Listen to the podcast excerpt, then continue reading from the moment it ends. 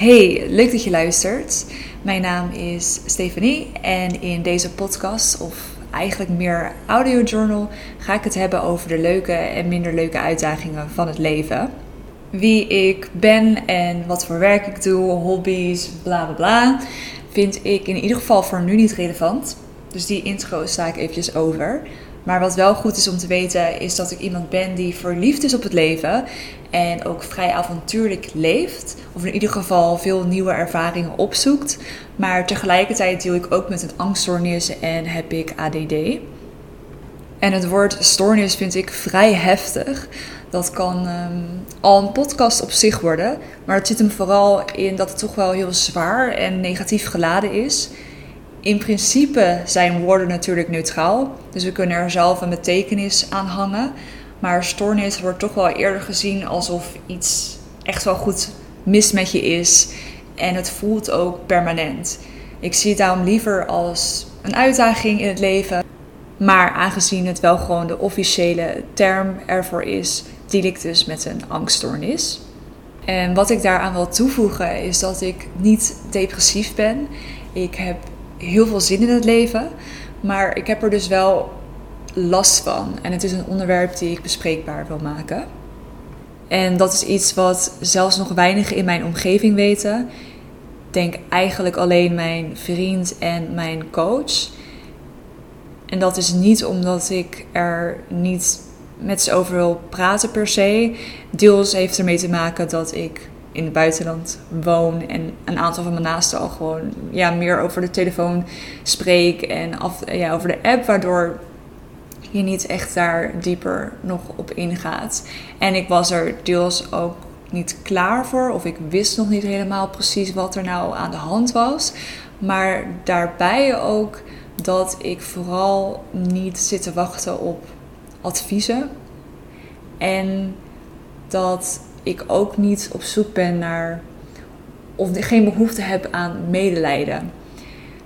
Dus ik zie mezelf niet als een slachtoffer, wil mezelf ook niet zo zien. Ik zie mezelf als iemand die net als velen zo zijn uitdagingen hebben in het leven, zo je trauma's en dingen waar je doorheen moet. Wat mensen in mijn omgeving wel natuurlijk weten, is dat ik wat introverter, wat stiller ben, maar niet dat daar echt wel een serieuze struggle achter zit. En dat ik daarbij voel dat mijn ware aard zonder angst en trauma toch echt wel anders is. Anyway, ik weet hoe onwijs moeilijk het soms kan zijn om je kwetsbaar op te stellen en je weg te vinden in de wereld. En al helemaal om dat ook nog eens op het internet te gooien in dit geval. En daarmee voelt het alsof je bepaalde dingen vereeuwigt.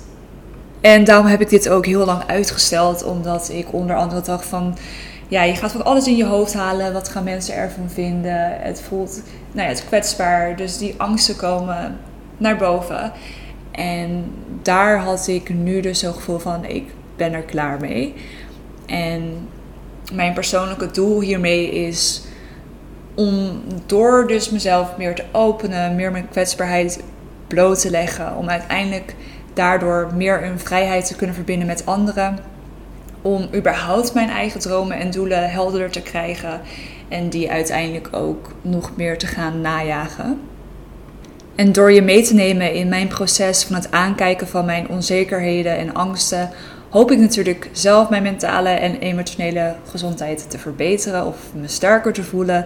Maar ik hoop ook jou als lotgenoot, dus als je dit herkent, herkenning te bieden. Vooral omdat je online toch ook nog meer hoort van extraverte personen of personen die het proces al hebben doorgaan.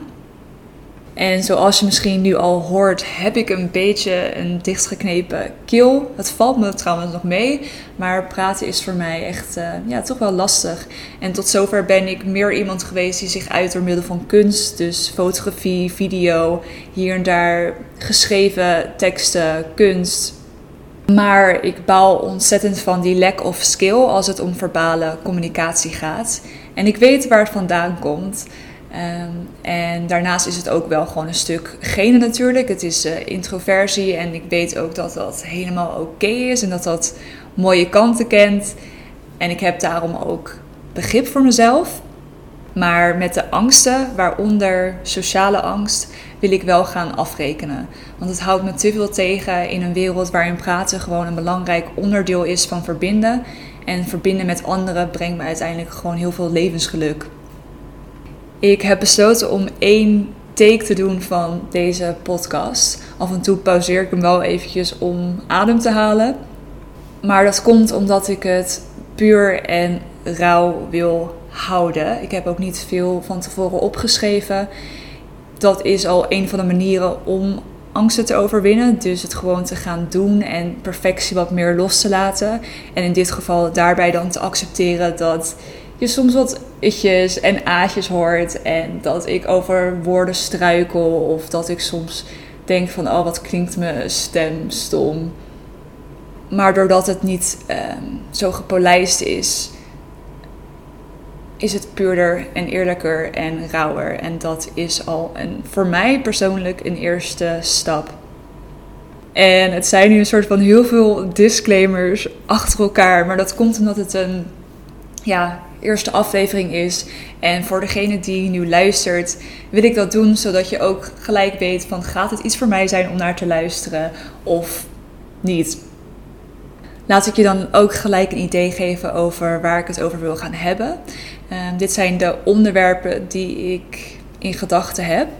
En uiteraard komt daar dus angst in terug, maar ook ehm, andere zaken die voor mij in het leven spelen, die ik interessant vind, waar ik normaal gesproken niet zomaar met iedereen direct induik. En dat is bijvoorbeeld dus introversie en sociale angst, um, open relaties en verlatingsangst, over verbinden in vrijheid en wat dat dus voor mij betekent en hoe ik dat het liefst voor me zie of waar ik naar, naartoe wil werken. Ook over onzekerheid en schaamte. En over dagdromen als copingmechanisme, wat misschien anderen met eh, bijvoorbeeld ook ADHD zullen herkennen. Over dualiteit en het innerlijke gevecht daar soms mee. Over hoge standaarden en versus, of niet versus, maar hoge standaarden en onrealistische verwachtingen en die management daarin. Maar ook over bijvoorbeeld learnings van acht jaar als digital nomad en een wat meer ja, avontuurlijkere levensstijl. Dus zowel de wat moeilijkere dingen, maar ook wel echt de leuke dingen in het leven. En daarbij vind ik het heel interessant om dus wat meer te duiken in ook taboes, dingen die je toch wat minder snel blootlegt. Want ik denk dat dat gewoon onwijs goed is.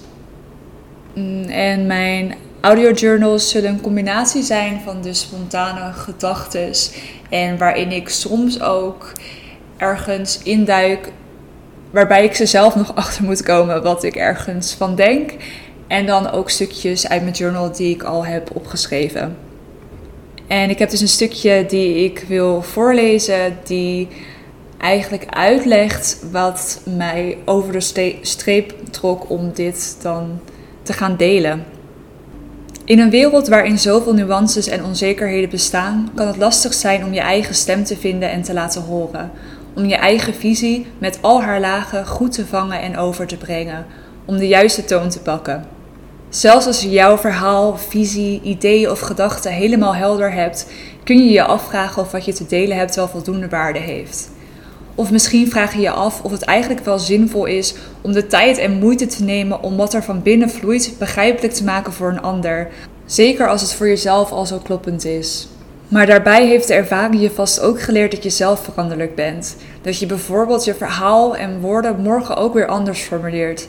Want niet alleen woorden, maar ook gedachten zijn soms als golven op de zee. Ze komen en ze gaan, soms zachtjes kabbelend en soms wild en woest maar altijd in beweging en altijd in groei.